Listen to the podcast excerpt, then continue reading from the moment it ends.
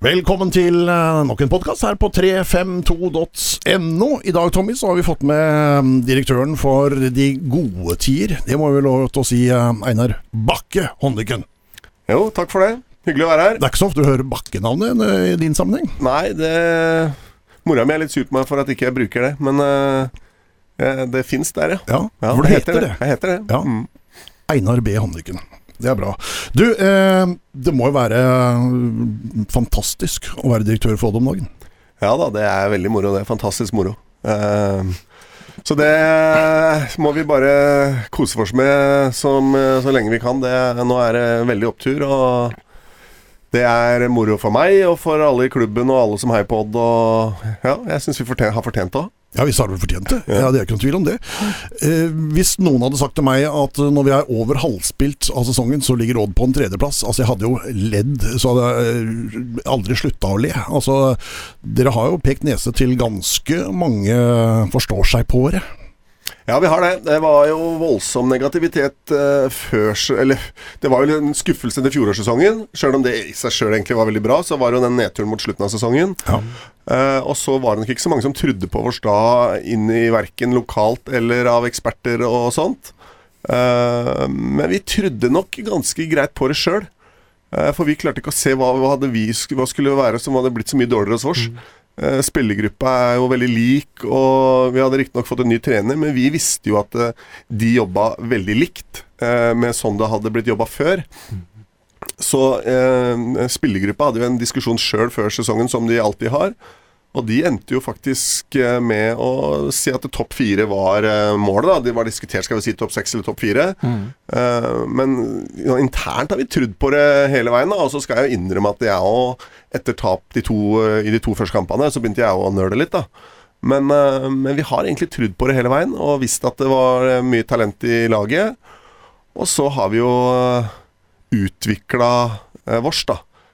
Til og med. Ikke bare liksom videreført det som var, men utvikla noen nye sider ved spillet som gjør at vi har blitt veldig gode. Du kan si at spillergruppa mm, omtrent er den samme, men Torgeir Børven er den store forskjellen. Altså, Torgeir Børven var den som holdt oss inne i toppkampen i fjor. Mm. Hadde det ikke vært for hans over 20 skåringer, så hadde vi aldri vært i nærheten. Uh, og vi alle visste at Børven skulle vekk. Hvordan, hvordan var det for dere der oppe også å tenke på at ok, hva gjør vi nå? Nei, det var jo en stor utfordring, det. Eh, også, men så visste vi at vi hadde Tobias, eh, som jo lærte å bli spiss av deg, Tommy. Uh, som uh, uh, vi visste er god nok til å ta det neste steget.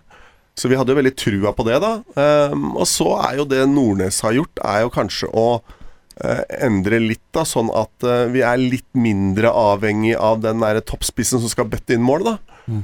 og så har vi for så vidt fått flere som scorer litt. men det er klart at vi hadde en sårbarhet på det som vi også var usikre på.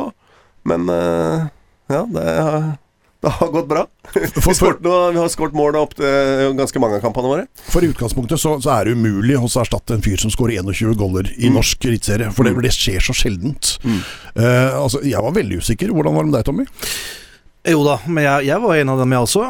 Og det tror jeg er litt naturlig også. Uh, hvis vi også kobler på koronakrisa, da så var jo veldig mange spørsmålstegn der eh, en periode. Og ikke sant, trenervalget lot jo vente litt på seg, men altså, jeg, som, som, man pleier å si, da, kulissene så, så, så, visste i hvert fall jeg at jeg tror, eh, jeg tror Odd eh, og styre og stell jobber eh, knallbra og, og, vet det meste. Selv om vi som da er litt på utsiden, vi ønsker gjerne å få noe, noen hint, ikke sant, men så tok det litt tid. Men bortsett fra det, så, så har jo så har man fått jobba ja, bra og hatt bra kontinuitet uh, i, i, i, det hele, hele arbeidet. Uh, og ikke minst da med tanke på videreføringa som du var inne på nå, så, så syns jeg Nordnes da har trykket på enkelte knapper som har tatt det litt videre. Ja, Nordnes er jo magisk. Uh, rett og slett magisk for en mann. Ikke, ikke, bare er han en hyggelig fyr, men han er dyktig òg. Ja, han er det. Jeg tror vi jobba veldig bra uh, med det vi kunne gjøre gjennom korona. Uh, vi har jo veldig bra apparat uh, rundt det fysiske. Er veldig flinke der. Og så fikk jo ikke Nordnes gjøre stort. Han var jo riktignok trener før korona, men han blei jo hovedtrener, og det, det, var vel trening nummer to. Han hadde en restitusjonstrening, og så trening nummer to så blei alt stengt ned.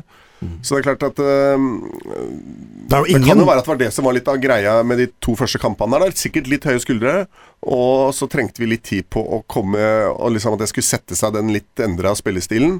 Eh, Men når den har kommet, så har den kommet som et godstog, da. Så det har vært vanvittig moro å se på. Det er vel ingen Odd-trener noensinne som har fått så lite pepper for sin første halvårsperiode som Nordnes. Nei, han eh, slapp eh, veldig unna. Det var jo ikke stort de kunne gjøre. Men det, jeg tror, vi jobba veldig bra, så det ser vi nå òg, da. Det har vel litt resultatene Det viser jo resultatene. Og vi har vel stilt med den samme elveren nå syv kamper på rad. Eh, og hvis du Altså, vi, vi merker ikke noe veldig slitasje på det. Og det sier jo også at vi er veldig godt fysisk rusta for det som eh, møter oss. Uh, og det har vært et veldig tøft kampprogram, men vi har likevel uh, stilt med veldig, et veldig likt lag. Så vi, vi kom oss veldig bra gjennom der. Og når vi da i tillegg har klart å utvikle spillestilen uh, Og ja, jeg tror det er, har noe med tilliten i, i gruppa og som enkeltspillere føler og noen sånne ting, så, så syns jeg det ser veldig bra ut. Og jeg klarer ikke helt å se at det skal stoppe, da. Hvis jeg, I mitt pessimistiske hjørne så har vi ofte i Odd hatt gode halvdeler av sesonger, da. Og så har det stoppa litt. Eh, Men jeg kan ikke helt se eller tro at det skal stoppe nå. Jeg tror vi bare kommer til å male på, og så kommer vi til å tape kamper. Vi kan godt være vi taper i Bodø, eh, og vi tapte mot Molde, men at vi skal liksom bli rundspilt, eller at vi skal plutselig bli veldig dårlige og ikke få det til, det klarer jeg ikke helt å se. Så jeg tror vi kommer til å gjøre en god sesong. Eh, om det ender med medalje eller sjetteplass, det får vi nå se, da. Men at vi skal havne oppi der, det tror jeg, jeg tror i hvert fall ikke det kommer til å stoppe. Nei, Men allikevel så er jo stallen fryktelig sårbar, kanskje spesielt defensivt. Altså Hvis Ruud går på en skade, hvis Steffen Hagen skjer et eller annet med han, hvis Birke Risa blir solgt eller eh, blir skada eller får karantener, altså hvis de tre gutta der er borte samtidig, altså hva skal man stille med da? Altså det er, det er jo, Da blir du naken. Nei, men nå, det, nå, nå stiller du egentlig spørsmål til Eiend der, så, men så, så nå bryter jeg bare kjapt inn at det, fordi at det har jeg lyst til å svare på øh, egentlig før Einar svarer. Okay. Fordi at øh, det, det spørsmålet der, det har vi også, eller jeg har også stilt, og det har, det har mange andre stilt. Men hver gang, hver eneste gang, mer eller mindre, så, så skjer jo det at man putter inn ny spiller, og det funker. Og det har noe med Det har, altså det har i hvert fall da selvfølgelig noe med det grunnfundamentet, den spillestilen man har. Se på Bakenga, da. Liksom, hvem snakker om Børven nå, liksom? Ja, og før det så var det Tobias, og så var det Altså, de popper jo opp, fordi at det, det er noe med Og så er det noe med det Nordnes også har gjort, da, det å bygge den tryggheten. Kanskje litt mer enn det Fagermo har gjort. Så, så, så, så det er eh, Ja, men det, da putter man bare inn den neste unge, eller en, en litt ukjent spiller, og så fungerer det. Det, det er det som alle har sagt, da. At eh, liksom, når Børven ble borte, da kommer alt til å rakne. Eh, vi var helt avhengig av han, men vi har jo vist at vi ikke var det. Eh, så jeg tror, som Tommy sier, altså, at hvis noen Det betyr ikke at vi ikke kan bli svekka og vi kan få problemer, men jeg tror det, det er noen som kommer og banker på i de fleste posisjoner. Så er det enkeltposisjoner vi er mer sårbare enn andre, det er ikke tvil om det. Men eh, jeg tror ikke det er sånn at hvis liksom, vi ryker på en langtidsskade på en av de som starter nå, at vi liksom er helt ute å kjøre da. Vi har andre som eh, vi kan, eh, som kan komme unna fra, og vi har jo selvfølgelig mulighet for å hente spillere, da. Ja, sitter du på noen penger som ikke er verdt om, ja, så kan, du- kan du hente noen, da? Nei, vi henta jo Simovic nå, da. Ja.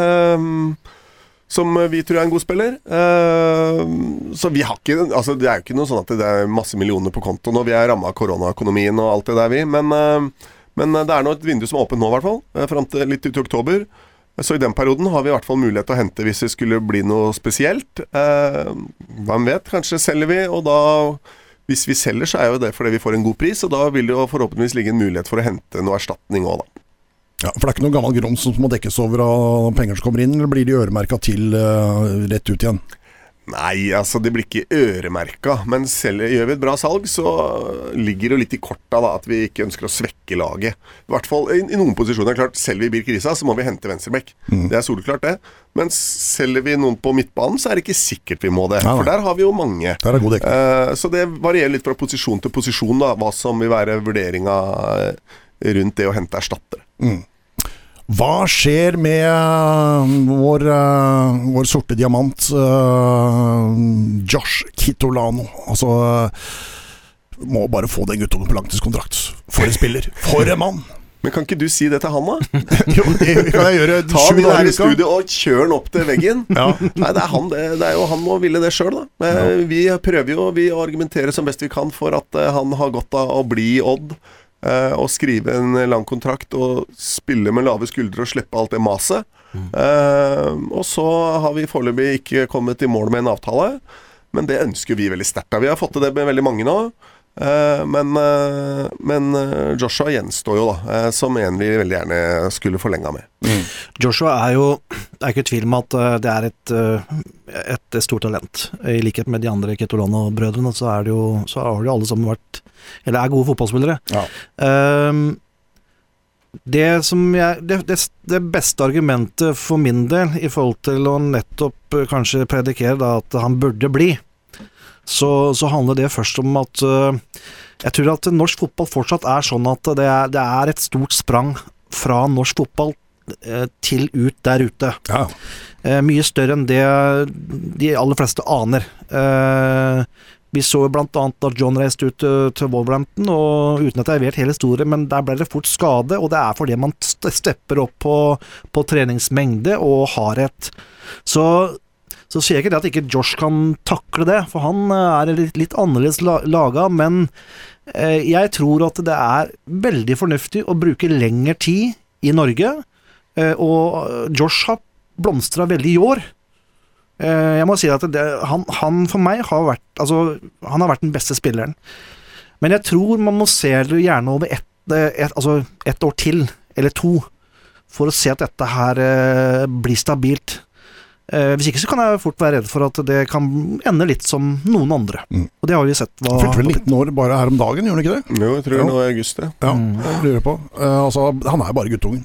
Han er det, vet du. Og det er noe med, jeg er helt enig med Tommy, altså, at det, det er noe med liksom å Når du dominerer Eliteserien eh, over en lengre periode, da bør du gå ut. Eh, men det er noe med å gå for tidlig, altså sånn som John. Eh, som gikk til Wolverhampton, Uh, havna på U23-laget der. Det er klart, Da hadde han spilt Odd 2 mot Nybergsund uka før, da. Eh, og det er Altså, når du ikke er fast i elveren eh, på Odd, og så skal du gå ut, det er for tidlig. Eh, Joshua er jo nå fast og er god, men han har jo tross alt vært fast en halv sesong. Mm. Eh, og Men det er, ikke, det er ikke nok, det heller. Nei, det er, jeg tenker det, det er ikke nok. Eh, Så skal han få velge å styre sitt liv, og jeg skal ikke, vi kan ikke bestemme over hans liv og hans karriere og hva som er riktig for han. Men mitt, eh, vårt råd er jo det, da. At eh, gå ut når du er moden, og du kan ta steget og, og komme inn i et A-lag. Ikke gå ut og havne i en U23-runde. Eh, bak i køen sammen med en haug med andre talenter fra hele Europa og hele verden. Gå til en klubb som vi har her, som betaler en ordentlig overgangssum. Eh, og som, eh, hvor du kan gå inn og faktisk liksom komme eh, inn i, mot et A-lag ganske raskt. Da. Det tror jeg er nøkkelen. Eller for den saks skyld bli leid ut. Altså du går til ja, en, en god klubb i, i, i Nederland, da. La oss si at hvis du skulle plukke opp, bli plukka opp på Ajax. Så har de en plan med at nei, vi skal, leie, vi skal bare låne deg ut til vår farmerklubb, som er i Østerrike. Så det er, det er Ja. Det, jeg håper han har gode, gode rådgivere rundt seg. Ja, er det og- Atta som står bak der, eller? Atta er agenten til Joshua, ja. Ja. Mm. Ja. Det er han. Sier vi ikke mer om det. Nei. Vi har jo Vi har veldig god dialog med Atta. ja, Altså. Ja, så det, er jeg tror ikke det er Jeg tror for så vidt han eh, får gode råd der, men han må jo til syvende og sist så er han jo nå blitt eh, voksen og må ta beslutningene sine sjøl, da. Eh, og så må han eh, så må vi liksom klare å bli enige om de tinga da, om kontraktslengder og lønn og alt det der da, som skal til for at eh, det blir en signert kontrakt. Hva er det for noe i vannet på Gulset? Altså, vi snakker uh, to uh, Kitolano-gutter. uh, vi snakker Lekven, vi snakker Midtgarden, vi snakker uh, Bård André Nilsen, uh, Torjus Hansen. eh, hva er det for noe i vannet på Gulset? Nei, det er noe av det samme som er i vannet på Heistad, tror jeg. Ja, det tror jeg også. det er, nei, men det er jo For det første er det jo store bydeler, og så er det vært drevet klubber på et veldig Altså, de har drevet bra, da, i mange år. Ehm, og da blir det fort sånn, da.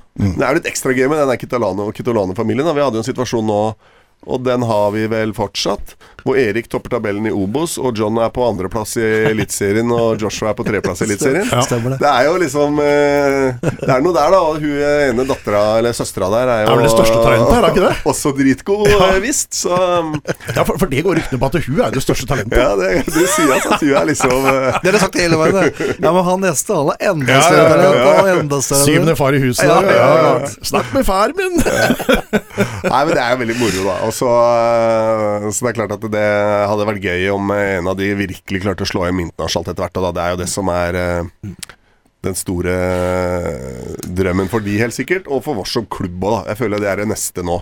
Vi har jo ikke liksom hatt noen eh, eksporter fra Odd eh, siden Tommy og Rune, hvis vi skal ta, være med å ta æra for han, som liksom eh, har gjort det ordentlig bra ute.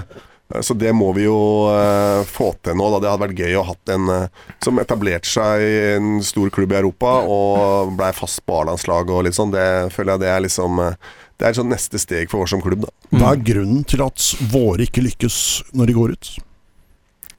Nei, det er, jeg syns det er vanskelig å si noe veldig sikkert om det, men det er klart at det er veldig trygt og godt i Odd. Eh, det er jo litt mer bikkjeslagsmål ute i garderobene, tror jeg, rundt i klubbene. Hvor, det er ikke like, hvor alle ikke er like gode venner, og du risikerer å få en albue av en lagkamerat òg, som egentlig ikke ønsker deg vel. Eh, sånn tror jeg det er litt. Det kan jo du si mye mer enn meg, egentlig, Tommy. Eh, og så kan det ha noe med spillestil å gjøre, da. Det har jo vært sagt litt om det nå. At eh, vi har veldig sånne eller har hatt veldig definerte roller. Litt for rigid. Litt for rigid, og at det kan uh, være et eh, moment, det, da. At uh, når man kommer ut og det er andre rollekrav, så trenger eh, man litt lengre tid på å tilvenne seg det, og den tida får du noen ganger ikke, da. At hvis ikke du lykkes sånn ganske sånn, så nei vel, da er nestemann i køen eh, rett inn. Ja, men det, og det, det er helt riktig. Eh, sånn som man på en måte, hvis man kan si det, spiller nå, eh, hvor man sier at den er friere fotballen, så er dette, dette er fotballen i Real Madrid. Det, det baserer seg på mye egne valg, og det baserer seg på kreativitet. Eh, og mye annet enn en mer kanskje da rigid som vi hadde under fagmål. Så det var ikke noe negativt sagt om det, men man har forskjellige stiler, da. Og man har eh, sånn som person også, så har man forskjellige stiler. Men, men det viktigste aspektet med Eh, og dette her har jeg noen ganger prøvd å få fram, og det er ikke så lett å kanskje forstå heller, men når man er et, en fotballklubb i, i Norge, så tenker man ofte på at man skal være Man skal, man skal, man skal være eh, Altså, man vil gjerne være best i Norge, da. Man legger en strategi for å bli tippeligaspillere, for å, for å ta det nivået som, som lag. Så må man Altså, man trenger og må ha mye større, øh, høyere ambisjoner. Eh, og da betyr det først og fremst på det fysiske. For man har litt for lett til å tenke at øh, ja, nå er det Bodø-Glimt som på en måte er best i Norge. Ja, men hvor kom de fra? Hvem er det som setter standarden? Skal vi bare være like gode som Bodø-Glimt, eller hva skal Altså, så vi setter en sånn tippeligastandard. Jeg kan være ganske kritisk og si det at ja, det Altså, Odd er jo superflinke, den beste i klassen, til å, få, til å være produktive med å få spillere til å bli tippeligaspillere. Men de er ikke de beste. Det er ikke de som blir solgt ut. Det er ikke de som på en måte blir værende ute, men kommer med halen mellom beina hvis det har vært sånn. Så der har jo Odd noe å jobbe med, men det har også noe med at man må, man må tørre å trene dem hardere, altså tørre å ha høyere ambisjoner, sette større mål. Og så må man jobbe der, deretter, men det tar tid.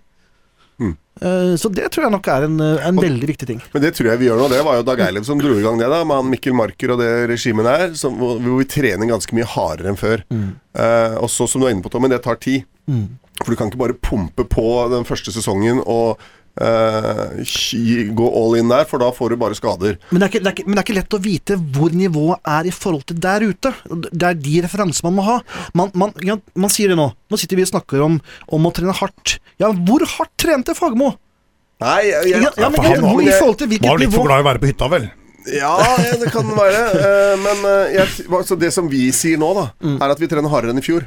Ja. Og det, jeg, det forventer jeg at vi sier neste år òg. At mm. i 21 trener vi hardere enn i 20. I for- For det, da har du bygd et fundament Ja, som gjør at du kan ta det steget. Ja, det er vi enige om, men i forhold til hva? I forhold til, hvem, er det, hvem er det dere måler dere mot? Ja, Hvor setter man lista? Ja, ja. Det burde man tenke mer over. Ja, men vi gjør faktisk det òg. Ja, eh, han Mikkel han har tilgang på alt av eh, dansk og en del rundt i Europa. Mm. Eh, og så vi, vi sammenligner oss med de både på hvor mye vi løper og hvor mye vi er sprinter og noen sånne ting. Så vi ser at vi ligger veldig bra der. Eh, eller da- altså, vi ligger bedre. Og så er det masse igjen å hente. Klart er det. Eh, Men det er den pushinga der, da. Men da er Men- Dere er, er på sporet, for nå vi er ser på man jo det. sporet av det, for vi har eh, tilgang på disse tallene fra mange andre klubber. Uh, så vi er jo Ofte så er vi jo oppe på Premier League-nivå på antall meter. Det tror jeg er ganske vanlig, men for, det, det som egentlig er forskjellen internasjonalt nå, er jo ikke hvor mange meter du løper, men hvor mange meter du løper i sprint. Ja. Uh, Så det er det som vi egentlig måler på nå. Hvor mange meter i sprint hadde vi i forrige kamp. Eh, Og Elba hadde vanvittig med meter i sprint nå mot Mjøndalen. Ja, og det var helt liksom på det nivået. Uh, og det er jo det vi må klare å gjøre hver gang, da. Og på, med flere spillere må gjøre det. Eh, så den uh, Så vi, jeg tror vi begynner å få opp eh, litt referanser på det der. Og den eh, systematikken de jobber med nå rundt det fysiske, er eh, Altså, det er et eh, enormt nivå på det. Ja, det, det tviler jeg ikke på. Og Elba var vel kanskje bedre nå mot Mjøndalen. Jeg har sett den siden før han dro til Brøndby. Ja, helt enig. Vanvittig god. Ja. Han må- Mål fikk han, da. Så er det litt mor... Jeg har lyst til å bare slenge inn også en ting til. Nå, nå vant Odd 6-1 over Mjøndalen. Nå så jeg ikke kampen, men dere satt jo og kommenterte den her, annet på Radio Grenland. Eh, men det jeg føler, da, som jeg bare tør også å kaste ut da, uten å ha sett kampen, det er Ja, når var det sist gang? Man vant med så mange mål. Eh, det må jo ha vært en, en, en litt sånn fyrverkeri en Jeg kan si eh. noe om det. Det har vi ikke gjort siden 60-tallet i toppserien i Norge. Ja. Altså øverst nivå, Eliteserien Tippeligaen, har vi vært siden 98. Har vi ikke skåret seks mål hjemme. Vi gjorde det i cupen i 98 eller noe sånt mot også Mjøndalen. Mm. Uh, men vi har ikke skåret seks mål hjemme så lenge vi har vært på toppnivå. Da må vi tilbake til forrige gang vi var på toppnivå, som var 60-tallet. Vi har gjort det borte to ganger. Borte har vi gjort det. Ja. Eh, men, jeg, men, eh, så det sier jo også noe om en det er en, en eller annen endring har skjedd der. Nå slo vi Start 5-0 borte, Mm. og vi vinner 6-1 hjemme mot Bjøndalen. Eh, det har jo vært mange sånne knappe seire som vi har kontrollert greit inn. Ja. Og så har det hendt at vi har ryket på en smell da, på overtid og noe sånt. Eh, men det er også et eller annet der. At vi scorer mer mål. Ja, jeg føler at det er noe Og vi kjører mer på kanskje når vi leder, så fortsetter vi å kjøre på. Ja, man, man trygger ikke, man fortsetter å tenke den filosofien som Jan Frode har, da.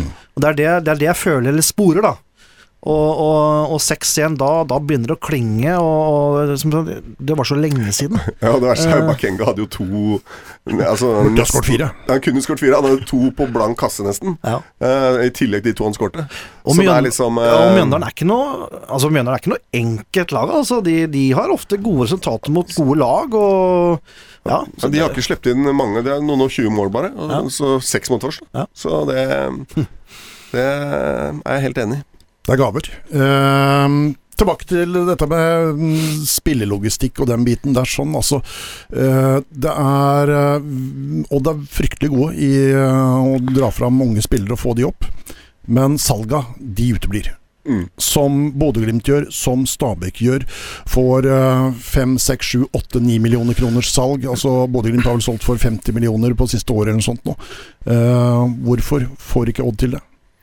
Nei, det er jo det store spørsmålet, det, da. Eh, vi har vært inne på litt av det, tror jeg. Rundt hva slags spilletyper som, eh, eh, har, eh, som lykkes ute. Det har jo selvfølgelig litt med den eh, hva skal jeg si, historien vår der, da. At de, mange av de som har gått ut, ikke har lyktes. Det har litt med spillestil å gjøre. Eh, det har litt med kontraktsituasjoner å gjøre. At når det er liksom dette siste halvåret, så er det ikke så lett å få så mye penger. Og så tror jeg vi må jobbe bedre med det, eh, på en annen måte. Eh, nå har vi gjort et grep nå hvor vi har hatt en sportssjef på heltid nå i et eh, par år, vel? Halvannet år eller noe sånt nå. Så det har vært liksom ett sånt løft. Og det tror jeg vi nå ser resultatene i form av at vi har bedre kontraktsituasjon på veldig mange av de. Eh, Men det gjenstår å få det, der, det eller de store salga som noen får. Eh, Og så har det vært altfor mange av de spillerne eh, de siste ti åra, faktisk, som har eh, kommet for nærme utgangen av kontraktene før det har skjedd noe, før det begynner å virke. Eh, og så forsvinner de. Og nå, Ja. nå sitter vi med Birk Riise og Wibernhoff, som har skrevet Som kosta oss ganske mye penger Mm. når de kom, og som nå kan gå gratis av gårde igjen. Det er dårlig bedriftsøkonomi. Ja, nå er det jo halvannet år igjen av de kontraktene, men, eh, men jeg er helt enig med deg at eh, de ble kjøpt for fordi de har gode spillere, og fordi det var et videresalgspotensial der. Ja, dette var investering. Det, det, det har ligget til grunn hele veien, og den prosessen er ikke ferdig før de er solgt. Eh, Og begge er jo sånn ganske tydelige på det. Ikke at, jeg, ikke at de overhodet ikke kan finne på å forlenge, men de sa det, og det syns jeg er helt ærlig for så vidt, de sa det når de kom, at eh, vi skal hit fordi det er et steg på veien videre i karrieren vår.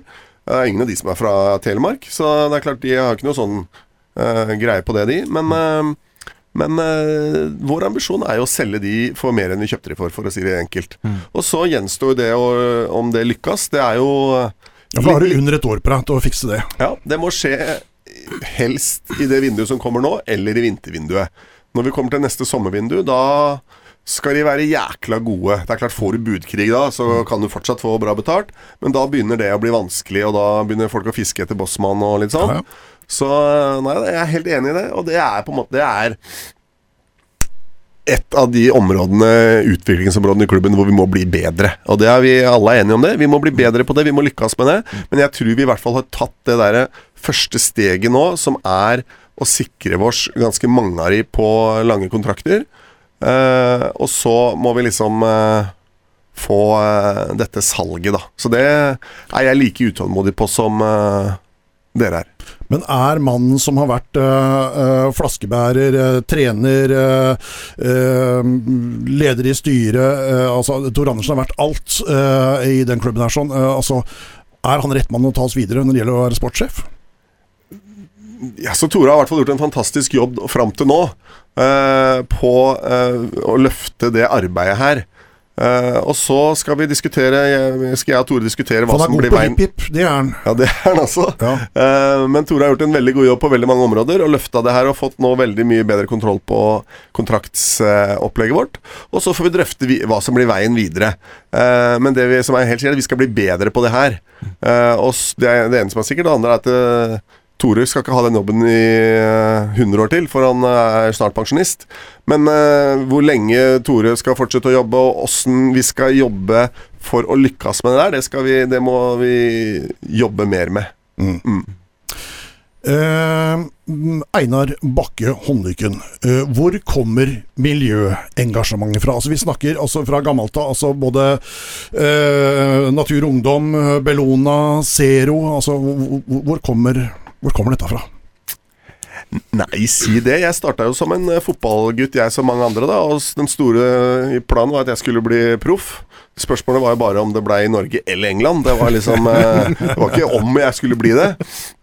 Men så var det den derre tida med giftige løgner på kino og aksjoner på industrien og Jeg hadde noen kompiser som var opptatt av de tinga der. Eh, sikkert fått en del av foreldrene mine òg.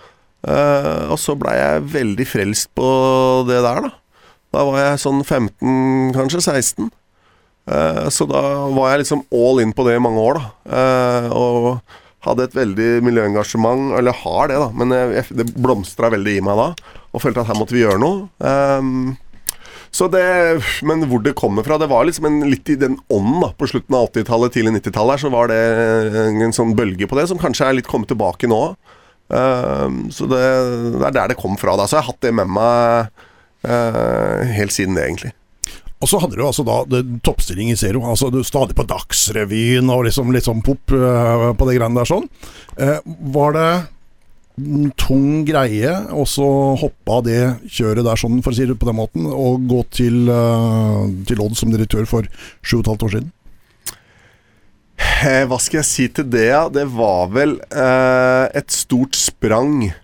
Men jeg hadde jo eh, bestemt meg for å slutte i Zero. Så vi hadde jo flytta hjem, og så pendla jeg til Oslo i en periode der. Eh, og så blei jeg dratt inn i det som het Oddball Invest, eh, og jobba frivillig med det. Eh, og så spurte de meg om jeg ville bli, få, ha den daglige lederjobben, da. Og da var jo jeg sånn Shit. For det første var jeg helt sånn shaky. Kan jeg det? Eh, det er jo klubben min. Jeg kan ikke hva, Kommer det her til å gå bra? Hvis jeg, det her går dårlig, så Kjører det åt skogen. Hvis jeg kjører det greiene her åt skogen, så er det mye verre enn den der miljøorganisasjonen. Ehm, men eh, Nei, men, det, tenkte, men så tenkte jeg liksom Dæven, du har jo noen ting du kan som du kan bruke. Og er det mulig å få seg noe bedre jobb når du skal flytte hjem til Skien, liksom? Det, eh, det klarte jeg ikke å se for meg. Så da hoppa jeg ut i det, og det er det, jeg, jeg er litt sånn type Ja, veldig ærefrykt. Jeg var veldig shaky på, på det greiene der, da, men så visste jeg at det, jeg, jeg så jo og da så en del ting jeg tenkte at det ville jeg gjort annerledes. Eh, Hva da? og Nei, eh, blant annet måten vi prata på. Eh, jeg tenkte at vi kan ikke si til folk at nå må dere kjenne deres besøkelsestid og komme på stadion. Eh, det må være lystbetont. Det må være gøy. Det må være et sted som du må dra for det, det er der alle er. Og det er der det skjer. Vi kan ikke si 'kjenn din plikt' og støtte opp om laget, for nå trenger vi det. Hvis det blir sånn tyngende, liksom. Det var sånne ting jeg husker, da. Eh, og så visste jeg jo at eh, altså, når du driver i en miljøorganisasjon, så er jo, bruker du halve tida på å skaffe penger der òg. så jeg visste at jeg kunne litt om det, og litt om merkevarebygging og organisasjon, da, ledelse. Så jeg tenkte at jeg har jo en del av de tinga som skal til. Eh, og så tenkte jeg bare shit heller, jeg kjører på. Um, og så fikk jeg jo en røff start, da. For jeg, det jeg ikke visste, var jo at eh, det, økonomien var jo litt eh, dårligere enn det som det lå an til, da. Eller det som jeg hadde skjøtt, sett fra utsida. Så det var vel i den Mens jeg hadde oppsigelsestida mi i Zero, så fikk jo et poengtrekk for dårlig økonomi og sånn, så da ble jeg enda litt mer eh, shaky her. Og skal vi Skal jeg starte med å gå konkurs her? Så det var, eh, det var røft. Men eh, så liksom klarte vi å få skuta i hvert fall til å flyte, og så syns jeg vi har bygd det stein på stein siden den gang, da. Og så tar det jo lang tid, og det er masse jokere, da, ikke sant. Det er jo uvant når du i de fleste organisasjoner så liksom har jo sånn noenlunde styring over hva som skjer, da. Men det er klart, å lede en fotballklubb da Det slår jo så vanvittig ut hva som skjer på banen, da. Eh, om det er stang inn eller stang ut. Eh, altså, nå traff vi med Nordnes-ansettelsen, ikke sant. Klart Hadde vi bomma der, så er jo vi idioter. eh, og nå er vi genier. Det er jo sånne veldig små ting som, eh, som slår ut, da. Som eh, i kanskje enda mer tilfeldigheter. Eh, på kort sikt er det tilfeldigheter. I lengden så er ikke det tilfeldigheter. Men på kort sikt, eh, sånn som i fjor, da, hvor vi er målforskjellen unna eh, å få e-cup og medalje. Eh, det er jo liksom bare Det er så små marginer der ikke sant, at det er helt ekstremt. Og det er masse millioner da for klubben. Og arbeidsplasser og stolthet og alt det der.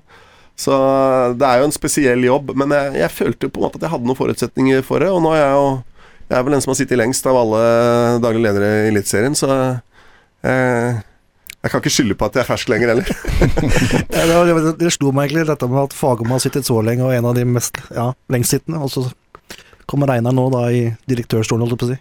Eh, Og sitter, eh, han sitter så lenge, og kommer til å sitte lenger opp, Så Jeg tenkte ikke å slutte helt med en gang, i hvert fall. kontinuitet er, eh, er et ord som går igjen i oddgangene. Det er det. Og så er det, bare så det er sagt, da, så er jo kontinuitet viktig, men så er det også det å klare å fornye seg. Ja. Og finne den balansen. da. Du skal ikke stivne og bare gjøre alt som vi alltid har gjort før. Mm. For det, er, det merker jeg nå. Når jeg kom inn, så hadde jeg 100 ideer. Uh, og nå merker jeg at jeg blir litt sånn Jo, men det har vi prøvd før. Det går jo ikke. Det prøvde vi da, det går jo ikke. Så det er noe med liksom å klare å se ting med nye øyne. Så du trenger fornyelse også. Og det har vi jo lyktes med nå med Jan Frode, ikke sant? Sjøl om det er eh, en insider sånn sett, så er det også en fornyelse i det. Så det er noe med å finne den balansen, da. Men det er jo veldig mange fotballklubber. Det er jo hopp og sprett fra den ene enden av skalaen til den neste, ikke sant? hvor de ansetter en som skal spille 4-3-3 med breie kanter, og så er det 4-4-2 rett rundt neste hjørne, og så er det tilbake til 4-3-3, og så er det en skal utvikle lokale spillere, og så ansetter en ny trener som bare vil kjøpe. Altså det er jo det er altfor mye av fotballen. Eh, at du bare blir brannslokking og kortsiktighet. Så det er jo fordelen sånn vi har jobba, med styrelederen og Dag Eilev lenge, meg lenge, mange andre, Rønningen og mange andre som har vært der veldig lenge. Så gjør at vi liksom vi, vi hopper, hopper ikke i en helt ny retning plutselig nå finner på at vi skal gjøre noe helt annet. Det er justeringer, forbedringer på den hovedretninga vi har, da. Ja.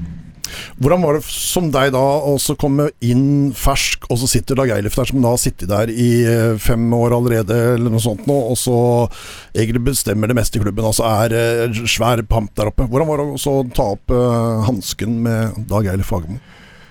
Nei, det skal sies at det jeg valgte å gjøre i starten, var å konsentrere meg om å skaffe litt penger. Så jeg la meg ikke veldig opp i det sportslige. Ja, det gjør, ikke at jeg gjør det veldig mye nå heller, men i starten så var det litt sånn vi må, Denne skuta må flyte. Uh, Så jeg konsentrerte meg jobba, Jeg jobba mye med publikumssida av det, og med sponsorsida. Så jeg uh, kriga ikke mye med Dag Eilev i starten på alt mulig. Jeg lot egentlig han bare holde på. Uh, og så jobba jeg mest med sponsormarkedet. Da. Så, og da og lyktes bra med det. Eh, og så har jeg etter hvert liksom begynt å gå mer inn i større deler av klubben. Da. Så i starten så gjorde jeg ikke så mye, men etter hvert så uh, hadde jeg mine Jeg må vel kunne si ukentlige kriger med han, da. Men det som er veldig bra med Dag Eilev, altså han er jo en kriger og en veldig tøff fyr. Uh, men han er veldig skvær òg. Vi har krangla som bikkjer.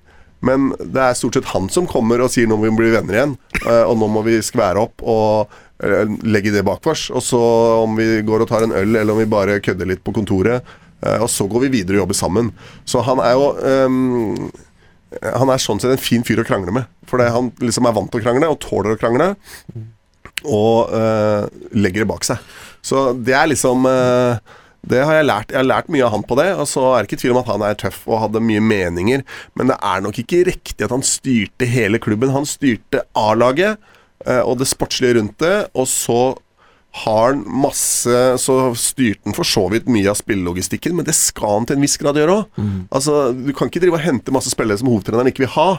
Um, men det er klart Nordnes er en annen type. Lytter nok mer, kanskje. Uh, og så, men det betyr, betyr ikke at vi kan nå drive og hente spillere til vårt A-lag som Nordnes ikke har trua på. Så fortsatt så må på en måte han ha det avgjørende ordet i veldig mange sånne ting. da Jeg noterte ned et spørsmål underveis her, fordi um, det er ikke tvil om at uh, ja, Fagermo var den som også satte preg på omgivelsene rundt. Uh, jeg tenker sånn, eh, litt i forhold til det vi snakket om nå, uh, i Odd-korridorene. Um, har det skjedd en Når han har forsvunnet nå, da, har det skjedd noe med miljøet i en eller annen grad?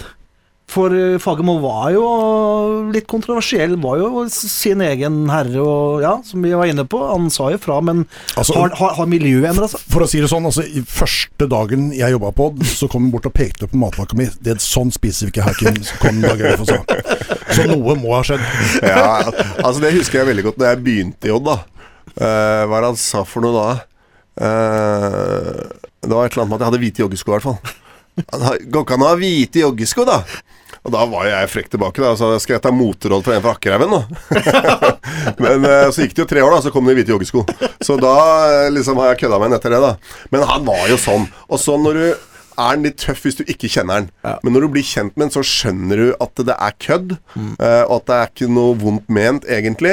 Men det er, kan være litt hardt for noen og liksom, eh, i noen sammenhenger, da, hvis ikke du kjenner den. Og det var for meg og det. Liksom, «Ah, hva er det som skjer her? Hva er det for noen kommentar, egentlig? Men, men, eh, men jeg, altså det er klart, Nordnes er en helt annen type.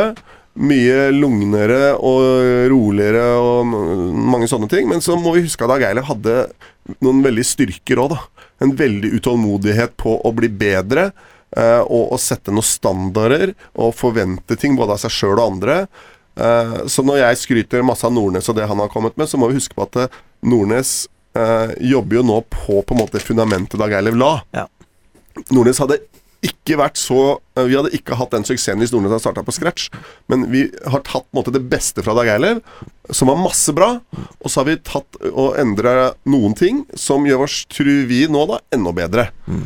Men Dag Eilev har masse styrker, og det ser vi også i Vålerenga. At han uh, sannsynligvis får til noe der som ikke de har fått til på noen år. Eh, så altså, veldig mange av de tinga vi gjør nå, er, det, er jo helt likt. Det er jo egentlig mindre justeringer, men det, som noen ganger kan slå veldig positivt ut. Da. Jo, eh, så er det jo noe med det at eh, Nordnes Han eh, Jeg tror ikke han går og kjefter på noen oppe i gangen der som fordi de ser på treninga i lunsjen. Nei, det gjør han ikke. Nei. Nei da, og det, ikke sant, det, det er hva skal jeg si, Dag Eilif på godt og vondt. da. Eh, ikke sant, Det er litt håpløs ting å gjøre. Men samtidig så er det også med på det å holde organisasjonen litt på tå hev. da, ikke sant? Altså, Vi ønsker jo ikke at alle skal sitte hele arbeidsdagen og se på treninga. Ikke sant? Det er jo ikke det som er min jobb eller veldig mange andre i klubben sin jobb.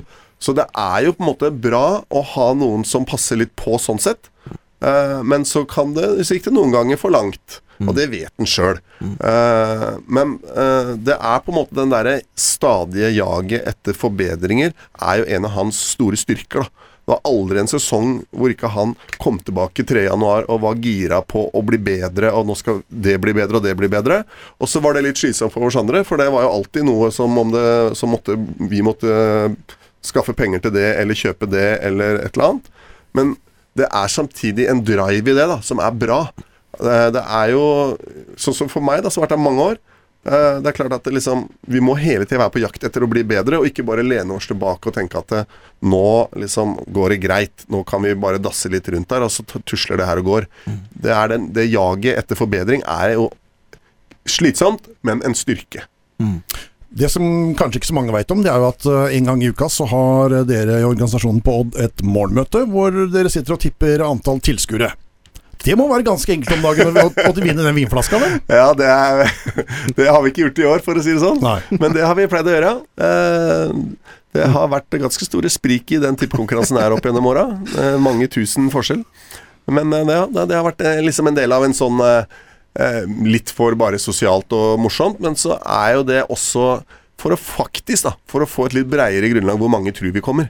For det sier noe om det, da. At det, ofte så havner de jo i den leia som flest legger seg. Selv om noen ganger så bommer flertallet, så er det en som går mye lavere eller mye høyere enn mange andre. Ja. Du, Jeg vant bare et par ganger. bare et par ganger. Hvem er det som pleier å være best på det? Nei, hvem er det? Det er klart De som har jobba med publikum, har jo ofte hatt noen forutsetninger. Kristian Hauge og- Hauge, Ole Line og de her har jo ofte eh, treff, da. Eh, men eh, ikke alltid. Ikke alltid. Nei. Nei. Du, eh, dette miljøengasjementet som vi prata om, det har jo tatt mer inn i klubben. Altså, der, er jo eh, Noen av de tinga som har kommet, det har jo vært helt fantastiske. Altså Sånn som solcellepanelet på taket og den biten der sånn. Og så er det dette med poteter, Ja. eh, som jeg stusser litt på. Vil du prate litt om poteter? Det kan jeg godt prate om. Ehm, det ene er jo altså På alle områdene i klubben jakter vi etter å bli bedre, da, og det gjelder også miljøene. Har vi gjort det solcellegreiene, må vi ta et skritt til. Eh, når vi begynte med solceller, så var det noe som nesten ingen gjorde. Nå popper det opp overalt. Til og med downtown har jeg det nå. Eh, så liksom eh, Det er jo liksom Jeg skal ikke si det er vanlig, men det begynner å bli litt sånn gjengs, da. Og hvis du skal være i front og være best, så må du ta det neste skrittet. Og det var jo ideen der, da. At det var Hva er det neste som liksom vil være å ta lederrollen her, da? Og det var Da kikka vi på det med grønn stadion, urbant landbruk, da. Som nå er, i ferd med å poppe opp, og nå har jo vi vært eh, Vi har ikke lyktes med å finne noen som ville betale for det. Så derfor har ikke vi kommet ordentlig i gang. men mens nå jo, gjør jo Arkaden det. Så de begynner jo å dyrke ting på taket på Arkaden, ikke sant. Eh, Så det er ikke så eh, far fetch som det kan eh, virke som, da. Men eh, Eh, Nei, så det er eh, Hva skal jeg si? da? Telemark er et landbruksfylke også. Det er et industrifylke og et landbruksfylke. Stadion vår er full av betong. Den kontrasten mot eh, det grønne og landbruket og den sida av det, er veldig kul, da. Og så er det et veldig sånn tydelig miljøstatement i det. Men eh, ja, nå skal vi faktisk Vi hadde et møte i forrige uke, og vi skal ha litt i neste uke. Skal vi se om ikke vi kan klare å ta opp igjen den eh, tråden om det, da. Og så kommer ikke det til å bli poteter. Det var vel bare noe vi sa for å få en forside i avisa, tenker jeg. Men uh, vi kommer til å dyrke noe bare sånn grønt, altså klatreplanter og sånn helt enkle ting som egentlig ikke er så veldig hokus pokus. Og så har vi lyst til å dyrke noe mat, da. Det er klart Hvis du kommer i kantina eller i kiosken, og så er det noe krydder vi har dyrka langs en vegg på Skagerrak Arena, så er det litt kult, da. Og det er noe pedagogikk i det. Dette med sirkulærøkonomi som er litt inn nå, ikke sant. At det er små kretsløp hvor du kan ja, gå utafor døra og dyrke noe greier, og så kan du lagre i maten, og så kan du kaste matavfallet i søpla, og så kan det bli til drivstoff. Eh, Det er jo liksom den veien verden må gå, da. Og så kan vi vise fram det på en eh, litt ålreit måte, hos oss, det er ideen. Um, Hvem skal sørge for dette? sånn? Hvem skal være gartneren? Er det Reidar som må ta med seg traktoren på taket, eller hvem er det som Nei, det er jo litt av det som har vært en utfordring, det da. At det må vi finne for å kunne sette det i gang. Eh, så vi er på jakt etter samarbeidspartnere på det. Vi, snakker litt med noe som heter Bakken folkehage nå. Eh, vi snakker med en litt eh, noen andelsgårder og litt sånt. Så trenger vi noen sponsorer på det. Og så må vi finne noen folk, da, om det er en skole i nærheten eller en barnehage. Eh, vi driver og ser på noen andre ressurser som kan komme og gjøre litt sånt for oss. da Og så må vi ta et hovedansvar sjøl, men, eh, men vi må ha litt hjelp for at det skal kunne gå rundt. da Det må vi. Kanskje kan gatelaget bidra. Um, så det er om å gjøre å finne litt sånne ressurser, da. Og så må, må vi finne noen, de som liksom kan brenne litt for å, og stå for det. Men uh, det som har vært min filosofi hele veien, er at det, vi gidder ikke å dra i gang noe miljøprosjekt bare for å gjøre det. Det må være noe som kan vare, og så må det være uh, noe som er lønnsomt. Så det liksom som jeg sa fra dagen jeg visste det, at hvis vi gjør noe miljøprosjekt her som koster klubben penger, så går det ikke. Hvis det er sånn vi kan ikke hente ny spiss fordi håndlyktene har brukt opp pengene på poteter på taket, så går det ikke. Det må være lønnsomt. Men det er jo det det har blitt, da. ikke sant? Så Skagerrak og ABB og mange andre bedrifter, Rangsells, lang rekke, som er med pga. miljøsatsinga vår, eller som er med med mere fordi vi satser på miljø. Så det er jo, det er jo sånn nå. Så å si alle bedrifter satser på miljø, eh, og da har vi noe å tilby som andre klubber ikke har. Eh, så at det har vært lønnsomt for oss, det er jeg helt sikker på.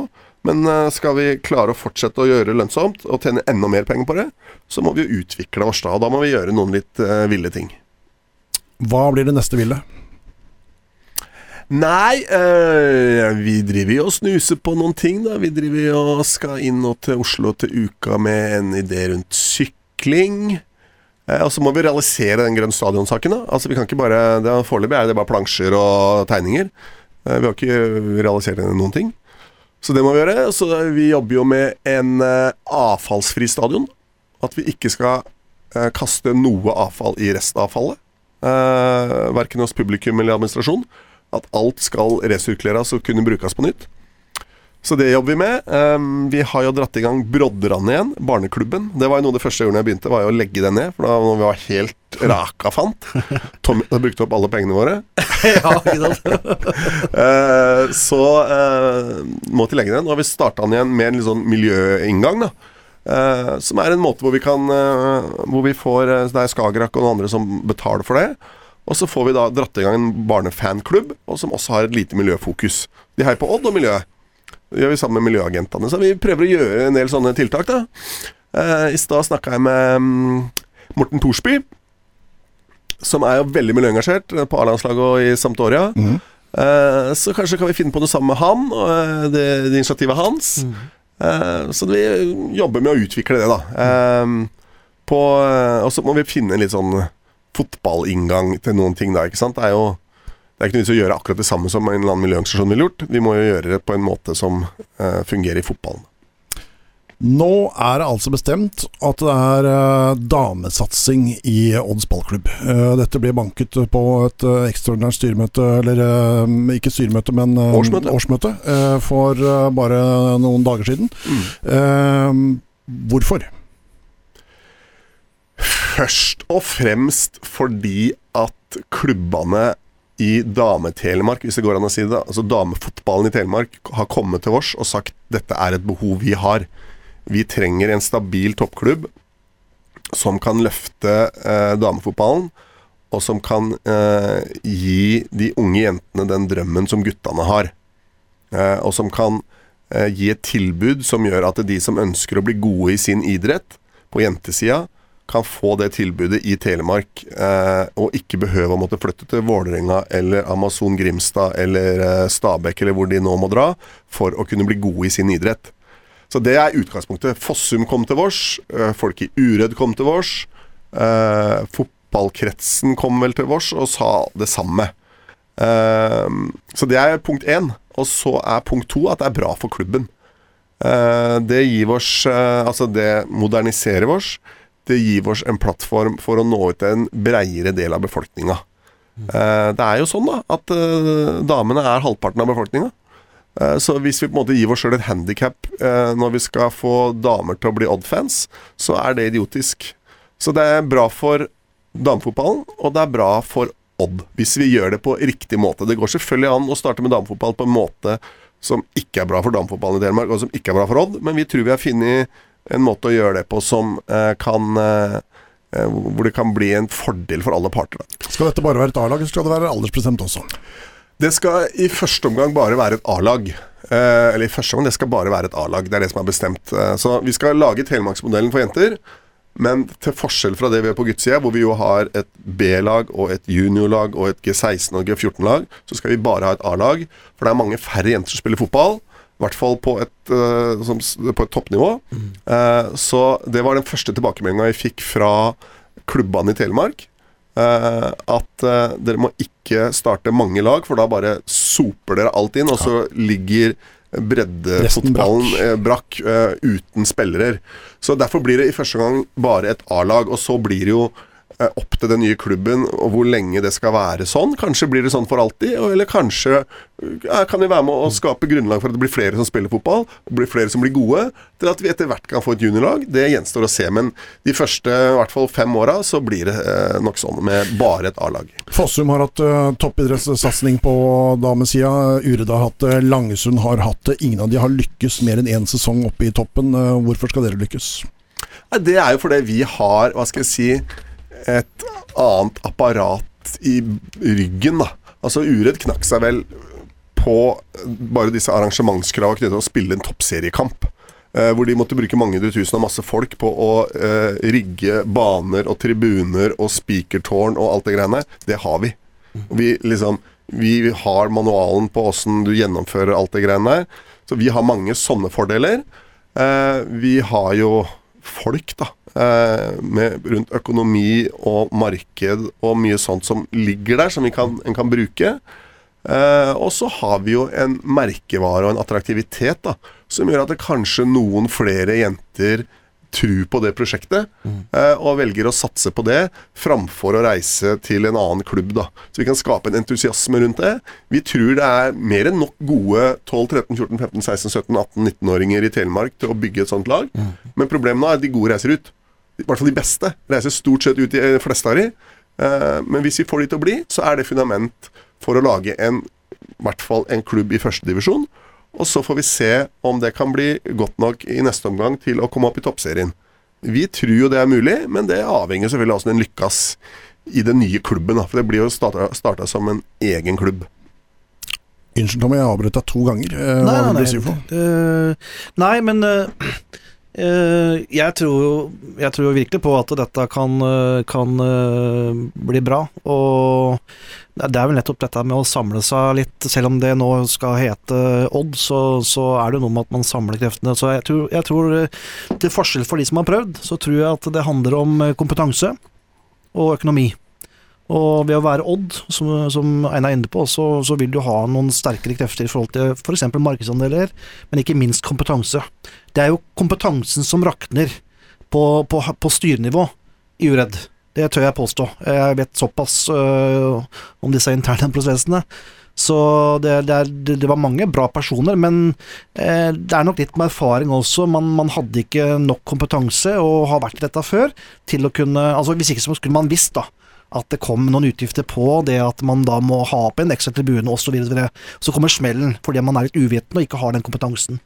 Der tror jeg Odd altså på mange punkter eh, kommer til å være mye mer stabile og, og, vet om det meste som man sier. Derfor så, så, så, så vil det umiddelbart være et, eh, et, fundament, og det vil ikke på en måte det vil ikke bli utfordret, på en måte, det vil være ganske safe. Og jeg tror også at uh, hvis jeg tør å gå litt inn i framtida umiddelbart, sånn to-tre år, uh, med så sterke muskler og merkevarenavn og alt sammen, så kan dette bli en kjapp opptur. Og så vil man jo begynne etter hvert å tenke at, uh, at når man når opp på disse store høydene, så, så, blir det tøffere og tøffere. Og da kommer et spørsmål som jeg har til dere der, Vil damefotball om tre år, når, når damefotballen og Odd er i toppserien For det kan fort bli. Eh, for det er, eh, det, er, det er, gode muligheter. Vil økonomi bli et problem for herresatsinga? Eller en utfordring? Ja, Vi har i hvert fall sagt det, da. At vi skal uh, starte dette som en selvstendig klubb. Uh, det er jo noen som har en sånn klubbmodell. Eh, Stabæk har det sånn at uh, kvinnesatsinga får en prosent av totalomsetninga inn til klubben. Og det det er ikke sikkert de vil innrømme det, men det ender jo med jækla med krangling. da, ikke sant? Hvor noen sier at det skal en prosent opp, og noen sier at det skal tre prosent ned. Og Så ender det opp med å krangle. Men det vi har sagt her, er at denne klubben eh, må stå på egne bein og skaffe sine egne penger. Og så er det, det de pengene de skaffer, som blir grunnlaget for den sportslige satsinga. Så vi er veldig opptatt av at vi ikke skal komme dit at vi må på en måte velge det ene eller det andre. Så er det selvfølgelig sånn at sponsormarkedet her i fjorden er jo ikke ubegrensa. Så noe vil det spise av lasset, selvfølgelig. Men så tror vi også at inn inn mot mange bedrifter så vil det kunne gi, og det ser vi allerede, økt interesse. Bedrifter som ikke er med i Odd lenger, mm. annet fordi vi ikke har damsatsing, sier begynner med det, ja. ja. Kanskje vi skal bruke litt penger både på A-laget på herresida og på et damelag. Og vi, ser vi vet jo det. DNB, Obos, noen av de store nasjonale, de ville aldri finne på å bruke penger lenger i klubber som ikke har damsatsing.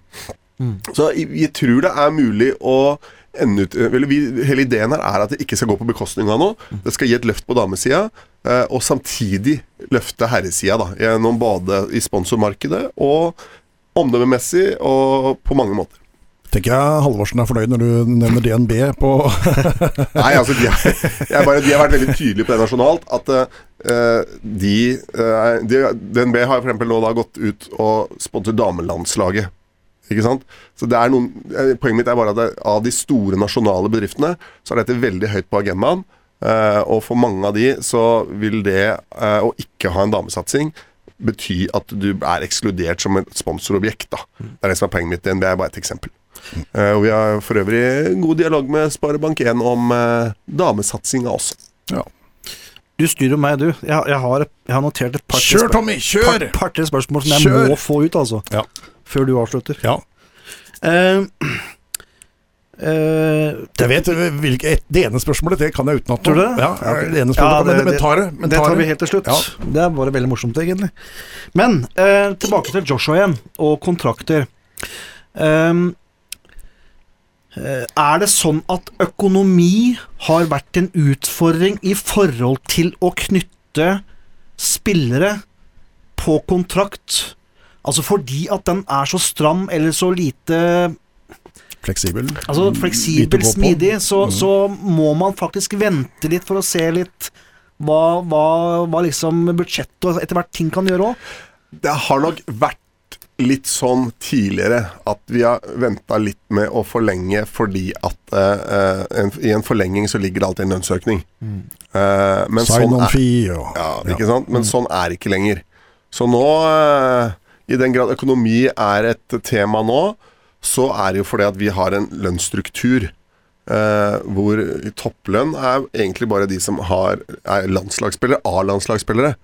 Ikke sant? Og så følger det nedover fra de som begynner eh, som Filip Jørgensen gjorde med ja, 10 000 i måneden, liksom. Eh, så det er en diskusjon hvor noen selvfølgelig vil hoppe over noen trinn der og gå rett til en topplønn. Eh, sånn vil det alltid være. Og vi sier at nei, men nå, er neste, nå har du tatt neste steg. Nå er du som starter fast, da er det ett nivå. Men du er ikke A-landslagsspiller, så det er ikke før neste du kan komme helt opp.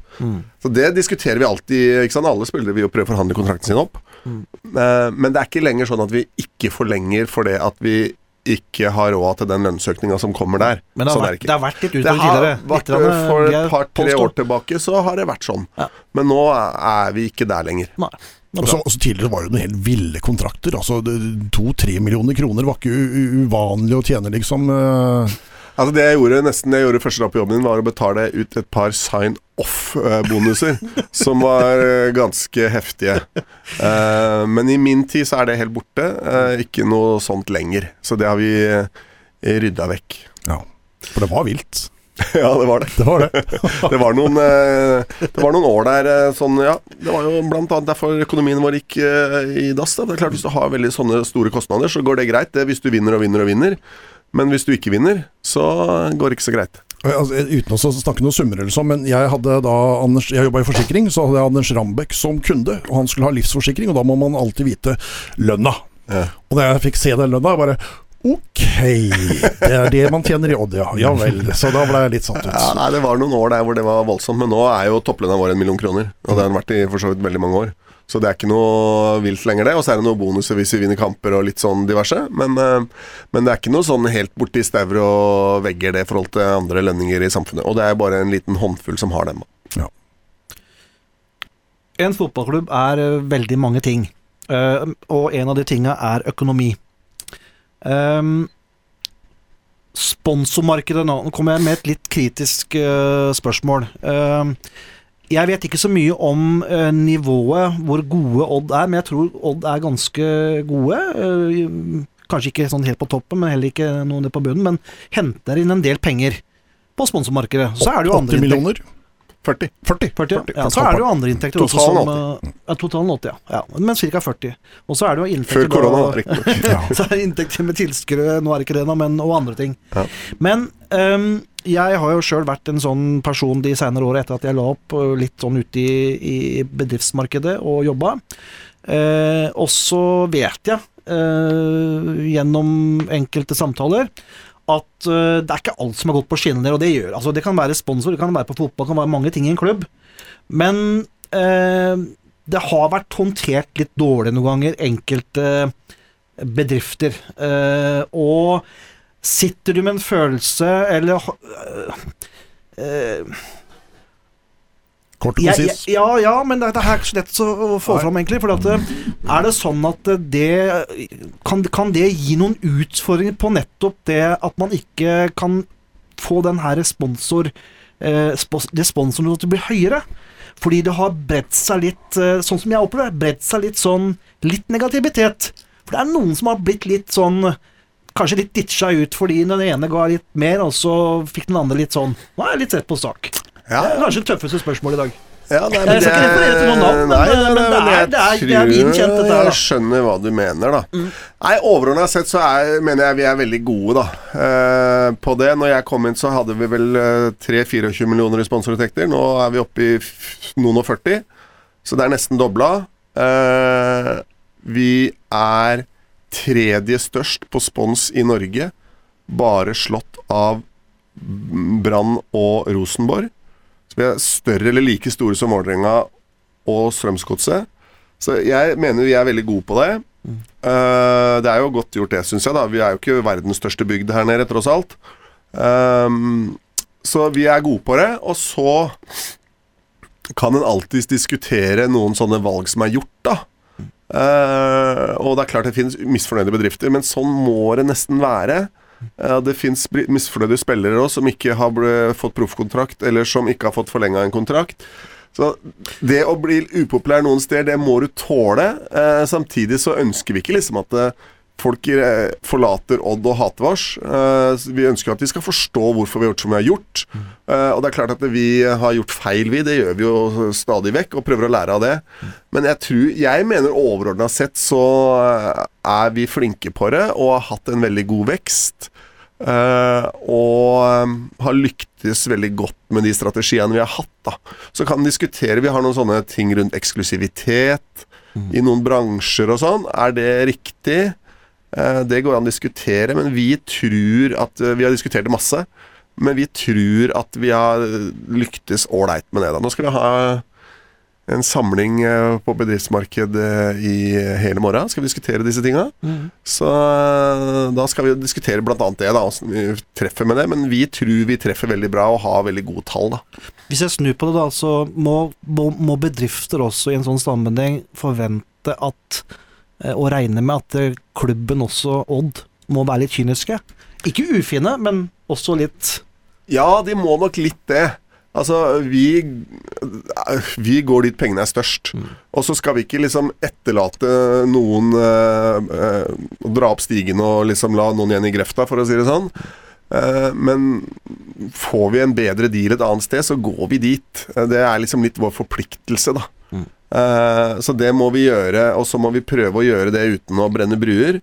Eh, Ja, men sånn er det jo. Hvis du skal kjøpe deg TV-apparat, så, så shopper du litt rundt. Sikkert ikke, ja, ja, bilder på Power der, ja. Ok, da kjøper jeg den der Og istedenfor det må jeg Elkjøp. gjøre altså. sjøl jeg er kompis med han fyren som jobber Ja, på den andre sjappa. Ikke sant? Så det, det er litt sånn det blir, da. Um, men uh, det har vært noen tøffe valg som har vært litt smertefulle, og som jeg vet at folk har mislikt. Uh, Men jeg tror i det store bildet så har vi lyktes veldig godt. Eh, og så har vi gjort noen feil, men vi har lyktes veldig godt, og talla viser det. Mm. når du er tredje best i landet på, i sponsormarkedet fra den lille bygda her, så eh, har du lyktes ålreit. Da sitter jeg med det ene spørsmålet, men jeg vet ikke om du skal Ja, ha noe imellom? jeg gleder meg til det. Ja. Jeg gleder meg til svaret til Nå må jeg snart dra og Ja, spille kamp mot uh, med Oddgutter 10, så Ja, ja. Det, skal, det, skal, vi- det skal du få lov til å rekke. Kjør, Tommy. Siste spørsmål. Siste spørsmålet. Nei, altså øhm, Og det er lov å slå i bordet som det pleier. Bang! Yes! Ja. Nei, men uh, vi kan se vi kan, vi kan vinkle, vi kan se øh, Odd som klubb på veldig mange forskjellige måter. Men hvis jeg nå sier Odds øh, ballklubb fra uh, år 2000 til uh, nå, så er plasseringene litt sånn Tolvteplass, tredjeplass, åttendeplass, femteplass, sjetteplass osv. Og så blir det en sånn snittplassering på rundt femte-sjetteplass. Fjerde, fjerde, Fjerde, fjerde, sjette. Ja. Mm. Eh, og det er jo bra. Men så blir jeg litt sånn Ja, men hva med at uh, Odds ballklubb en dag skal bli en, en, en vinner? En løfte pokalen, Mm. uh, skilte til hele Telemark, det er Telemarks stolthet at vi er en vinner. Mm. Kan Odd bli seriemester snart? Eller kan vi bli det? det er klart vi kan det. Ja, kan vi ikke det? er utvilsomt. Altså, I år blir jo Bodø seriemester, og de er jo ikke noe større eller veldig annerledes klubb enn vårs. Det skal klaffe. Du skal selvfølgelig Altså Hvis Rosenborg henter ut potensialet sitt, eller for den saks skyld Vålerenga, så vinner jo, er jo de der oppe, men de pleier ikke å hente ut potensialet sitt. I hvert fall ikke de siste åra. Så det gir oss en mulighet. Eh, og det er klart vi kan lykkes med det. Eh, vi har jo eh, hatt noen medaljer, og vi kan ta enda flere. Um, Men da kommer oppfølgingsspørsmål, og det tar jeg med en gang, for du skal på Sysklubb. Ja. Vil Odde nok? Ja, det skal du ikke være redd for. Eh, men det skal sies at det, vi er jo en klubb som bygger litt langsiktig, da. For du har jo vært i Stabæk. Med 20 år? De, ja, ja, men de, du har vært i Stabæk. Men ikke sant, de var jo sånn De gikk så all in på det seriegullet at de gikk konkurs Mm. Etterpå. ikke sant? De brakk. At de brakk ryggen på det. Men en vi, er ikke, vi er ikke villige til å ofre alt da for det derre toppmedaljen og risikere konkurs, for vi vet at det er ingen som redder oss. Hvis vi går konkurs, så kommer ikke en rik onkel her med x millioner og tar den regninga. Så vi, vi bygger. Men- det langsiktig. Men er det, er det sånn å forstå Vi, er, men jeg, jeg mener ikke at vi safer ikke på det. Vi, I fjor gutsa vi brukte mer penger enn vi burde gjort for å hente den medalja, og så mislyktes vi for det. Uh, så vi, vi går for det, vi, men vi må utvikle oss som klubb. Vi må bli bedre på alt vi gjør. Vi må bli bedre på publikum, vi må bli bedre på spillelogistikk, vi må bli, trene bedre rundt A-laget. Må hente flere sponsormidler. Så vi må jo utvikle oss. eh, og lykkes vi med å bli bedre eh, på alle områdene våre, og selvfølgelig noen nøkkelområder spesielt, så kan vi gjøre det. Der sa du det, men jeg skal fortsatt ha et lite oppfølgingsspørsmål. For hva, altså, hva skal til for at Odd kan bli seriemester nå i løpet av fem år? For nå har de et fundament. Dere har en trener som har tatt det ett steg videre. Det er veldig mye som er på plass. Og du Masse sier unge unge og du, ja, og du sier er det sjøl. Du, du, du har Bodø som har klart det, som plutselig kommer ut fra intet. Hvorfor skal ikke Odd da kunne bli en seriemester innenfor fem år? Nei, jeg- Og hva skal til, Einar? Jeg tror vi jobber veldig bra rundt A-laget vårt. Uh, jeg tror eh, den største nøkkelen her er jo å lykkes eh, med eh, et par store spillersalg. Det, er nok liksom det som kan ta oss det neste steget nå. Eh, det er det, kanskje det aller viktigste. Vi skal hente en million eller to eller tre ekstra i sponsormarkedet, og vi skal gjøre mange ting. Men eh, klarer vi å lykkes med et par ordentlige spillersalg, så kan det være, i tillegg til alt det andre, så kan det være det som løfter oss et knepp opp, da. Som gjør at vi blir enda Kan et kjempe om den førsteplassen, faktisk. Ja. Ja. Eh, og det er klart, eh, jeg tror ikke vi kommer til å ha seriegull liksom hvert år. Men Bodø-Glimt viser jo det, og Leicester har vist og det. Er, altså det er klart det er mulig Mm. å for en liten klubb Eller vi er ikke en liten klubb, men en stor klubb fra et lite sted, er det vi sier nå. Eh, å ta det seriegullet, klart er det. Det er soleklart, det. Det er ikke, altså, det er ikke noe i tvil om. Det kunne vi jo for så vidt Hadde vi hatt uh, fullklaff i år, så kunne vi gjort det i år. Eh, så det, og det kan skje neste år. Spennende. Eh, vi ønsker lykke til, mine herrer. 70 minutter i gode venners lag, det går styggfort, og nå er det jaggu meg gjort. Du har eh, toppkamp eh, med gutter 10, Odds gutter 10, som du er trener for. Ja, mot stridsklem nå, så jeg må løpe av gårde for ikke å komme for seint. Hva slags kamp forventer du deg? Nei, det er en kamp hvor vi skal styre. vi skal dominere banespillet. Rundt på kantene, slå innlegg der. Nei, vi skal Jeg tror jo Jeg håper vi skal være gode, og at vi skal ha det gøy. Ja, lykke til. Takk for det. Ja, Tommy, da blir det mm, noen dager, og så tar vi en eh, ny podkast, vi. Mm. Ja, vi. vi gjør det. Da prates vi igjen. Hei.